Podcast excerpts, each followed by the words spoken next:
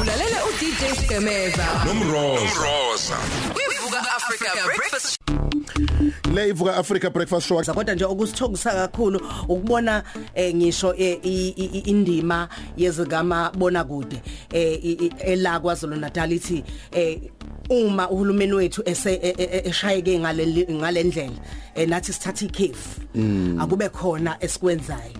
Eh njengoba nje ekhona ke la uWiseman Mncube noBenjamin Mqhashi eh bakhona khona la istudio sihleli nabo nabo njengamanje eh ngokuthintwa ke isimo esenzeke khona esifundazweni nabo sebethi abalithatha ikhefu emsebenzini eh kubonakala ukuthi iyona ipi indlela abangayenza khazalini abangalibamba mfethu browise grand bafo. Ngiyaphila futhi kunjani ah se grand. Eh bangibona wena ngicabanga ingcabane saba nayo studio la saphuma kama washi saphuma singasafisi lutho otherwise kamba kahle kuzalo futhi. Hayi no akufana akufana ngiyaphusheka hamba kahle kakhulu hamba no. kahle kakhulu. Yazi into siyibukayo nomroza siyabuka ukuthi umuntu njengabe siyamazi saye sa test kancane ifebi TV broza ukuthi kuhlalwa the whole day Yeah. sibuka umuntu obusy njengawe nomculo eceleni asizele ukuzokhuluma ngawo namhlanje asizele ukuzokhuluma ngokuact but uyabona ukuthi awunasikhathi but ke uthe kuso lesikhathi esingekho wahlangana noBenjamin nathi akube khona eniqalayo ukusiza isimo esithinta abantu kwaZulu Natal asiqale ngasisimo sikuthinte kanjani nawe njengomuntu nje ophilayo? Ey isimo singihlukumeze kakhulu ngoba ngithe mangiza bengisegoli eh ku- kwenzeka yonke lenkinto nkini yenzakalile eh kwase kwangithinta kakhulu kwahlukumezeka ngibona nje imizi yabantu eh iphela ngibona izingane ezincane nabantu abadala abantu balahlekelwa amalungu emndeni yabo. Eh kuyinto ke futhi esingasho ukuthi angeke sithi siblame abantu ngoba phela ikhukhula ikhukhula eh akukho umuntu ukuthi namhlanje ukhomba sobani nakusasa ukhomba sibani bani nani Njalo yabona? ndaba. so nje into nje eh onge- ongeke nawe wayi- wa- wayilindela uyabona? Ngoba nakusasa kungenzeka into engane efana lena into nje nami evane yangithusa ngempela ukuthi hawu emhlabeni kuqopha ngisho imigaqo. Into ngeke uzuyicabanga nokuyicabanga ukuthi umgaqo nje uqophozwa yini. So nje angazi ngempela angazi kodwa into nje eh silahlekelwe imlomo ngoba phela abantu abaningi balahlekelwe abantu abaningi bahluphekile njengamanje ngalesimo lesi esivelile sinami ingihlukumeze kakhulu Mm, Benjamin asikwamukele si okhosini FM size size nje ukuthi ke mhlawumbe Ngiyazi ukuthi kuningi osigqemeza njengoba kade sikhuluma singakangena emoyeni sibuka ukuthi njengoba kade ukhuluma indaba ukuthi kubaleke kangakanani kwesinye isikhathi ukuthi eh wonke umuntu abeke phansi yonke into ayenzayo. Athi isimo sesivelile ekhaya. Eh isimo sisho ukuthi noma ngabe khona into ebengiyibhizi ngayo esiza mina kodwa njengamanje angisukume eh kube khona into engiyenzayo. Eh akunina nodwa khona nozakweni nibambisene nabo. Um yeba khona impela ozakithi sibambisene nabo eh lapha na kuzalo. Eh engikhoyo namhlanje basahambela abantu na ekuthanga bengicabanga ngolesine eh nakhona futhi basahambela abantu. Kungijabulisa kakhulu nami ngizwe ukuthi hayi impela nensizwa ngapha zibambile eh engisebenzisana nabo ngapha kuzalo uma abantu bebuka uzalo siyazi ukuthi balithanda kakhulu loku SABC 1 eh ngicabanga ukuthi kuye kwafika engqondweni yenu nonke ngisho producer nabo bonke o director ukuthi abantu abanye abadlulile emhlabeni abantu abebelandela kakhulu uzalo. Yeah. abanye abangakatholakali namanje. Abanye sebeqalile ukufihlwa. Abanye eh, eh a- a- a- a- imndeni sesamakhandleleni abantu abal- abasesekayo njengozalo. Eh abantu abasesekayo thina njengabantu eh, abasendimini yezokulingisa. Eh, ngicabanga ukuthi ezinye izinto mhlambe zinthinte kakhulu lezo. Kakhulu kakhulu. Ngoba phela eh abantu basilandela balithanda uzalo. Ingakho ke nje nathi uzalo eh sithe a- aba asukume eh sikwazi ukuthi sifake isandla ngoba phela abantu basilandela sikuzalo nje lunje kungenxa yabantu ngabalandeli. So kuyoba yiphuthe elikhulu ukuthi ke nathi sihlale phansi singafaki isandla uma eh kuvele into efana le zikhona indawo e- e- e- esenikile kuzo eh nanokuthi hlobo lolu losizo eni- eni- eni- enalo makuthi sekhona ensaya kuzo futhi ni- nithola kanjani? Eh indawo ngoba nje ngisho ukuthi umuntu besegoli eh indawo esoya kuzo eh bese sixhumane no no no no office lamasipala.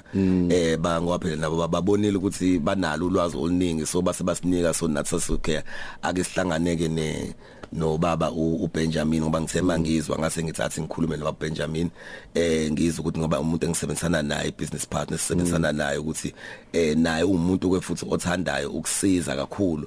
Eh ngase ngikhala kuyena ukuthi ayi sizwa kithi na into esiyenzakalile lana njengomuntu nawe uthanda ukufaka isandla ikuphi la ongafaka khona isandla? Wayesesho na ukuthi ngeke ngihlale phansi komuntu yena ohlala eh, ePretoria kodwa ohlala ngaseGhana so wayesethi ngeke nami ngihlale uma nikhala kangaka nami ngizokwazi ukuthi ngifake isandla. Eh sasesihlangana ke eh kodwa naye ke ngiyathokoza kakhulu ukuthi Yeah, na ngifuna ukuzwa. ayichazele ngoba kodwa ke bazongixolela ngoba isizulu yena akasazisisi kahle. Kusho ukuthi ke ukhuluma yiphi language? use- useyo useyo useyo useyohlanganisa lapha esilungwini noma kuwukhozi kodwa ke bayosixolela iphi language ekhulumayo Benjamin What's your home language? English is my home language. English is your home language. yeah, but I understand that imsebenzi Yeah. njengalena it, it, it takes quite a lot, you know. You need a lot of money. Do you guys have any donors that you guys are working with or it's something from your pocket? no, um, basically we don't have any donors It's from us actually. And um, we, we believe that this is a call to humanity. Um, Yeah. When you see pictures rolling over on social media and everywhere, um, it's heartbreaking. It's, it's, it's, it's important that we show concern as human And beings. humanity. So exactly that is what we are here to do. Um, we we know that our governments are doing what they can do. So as individuals and corporate bodies, we also have to do what we have to do uh, to alleviate the plight of our people. So that's why we're here. And I'm very happy when you highlight that that our government is trying by everything that he, that they can do uh, because there is no budget for this. Uh, even if uh, sometimes uh, there is a budget, It but be enough. I think it's beyond our control. And uh, we really thank you for, for for coming into collaboration to integrate with us as South Africans. I, I know that we are all Africans, but you have decided uh, that no, uh, even though I'm not uh, uh, uh, maybe a, a, a bona fide resident of South Africa, but I am an African, and that is humanity. Absolutely, absolutely. I'm I'm I'm more than a South African because my Yes. wife is a South African. Yes. So Oh. whatever so whatever I do, I feel I'm, I'm I belong. This is home. Yeah. Um, and like I said, uh, we also want to thank SABC for your initiative in helping uh, uh, the people during this very difficult moment. Uh, we are happy to associate with you. We are happy to partner with you so that whatever we have, we can give to the people and ensure that they get back to their livelihoods. As African uh, listeners, we are African Yes. before we are South Africans. Absolutely, absolutely, Yeah. absolutely. Okay, one love bantu base Africa. 25 minutes after 8. But do you guys have um, social media um, uh, pages where singabona khona information ezinye emsebenzi eniyenzayo eh, as i consortium? um Ye- yes, we have an email address. Is at it's uh, the company behind this is called Allied Consortiums. Okay. Uh, but under Allied Consortiums, we have a branch that deals in uh, helping uh, societies, giving back to Social society. responsibility. So that foundation is called the WICQ Foundation. Okay. It it stands for William Yao Churchill Kwashi. That's my father, my late father. He died of COVID last year on the 8th of August. Okay. Um, so he has been somebody who is like a philanthropist. He, he loves giving back to society. So we are using this as a as a medium to also start Yeah. giving back to society. So anybody who wants to get to know us, it's alliedco.co.za. That's our, our uh, uh, uh, uh, website. Um, anybody who wants to go through there will find what we do and what we stand for. Brother, thank you so much for your time. But siyabonga kakhulu sesohlangana nawe ku TV. hayi ngibonge kakhulu ngibonge kakhulu ngibonge kakhulu. La lokho FM sibonga khona kanjani ku Benjamin Qashi konjalo ke no Wiseman Mncube. Eh baye bahlangana ke bengamajita bathi lalela lento yenzekayo la yenzakela thina sonke.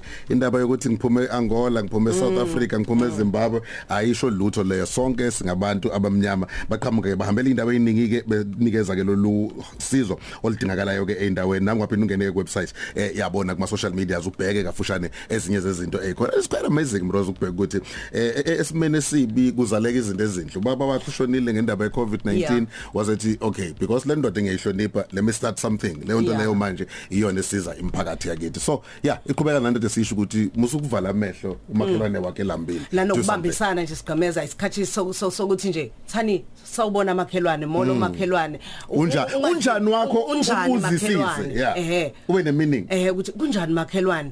Kuyavukeka yini? Ezinye izinto besingasayijwayele lezo ngoba ngidlula ngiphethe ifoni yami eh ngi WhatsApp eh ngiko bani bani bani ngibhizi ongidlula ngihamba ngemoto. Kodwa ukwehlisiwe indawo sanibonani noma ushaya ukuthi udlule zonke lezi zinto lezo izinto besingasayijwayele lezo. Kodwa ngicabanga ukuthi kuyasikhombisa ukuthi isikhathi sokuthi ake sibuyeni sibuyele back ebuntwini bethu. Enjalo thank you so Africa much uh, Benjamin. Thank you so much, ma'am. Vuka nathi Qala usuku lakho ne-breakfast show ehamba phambili.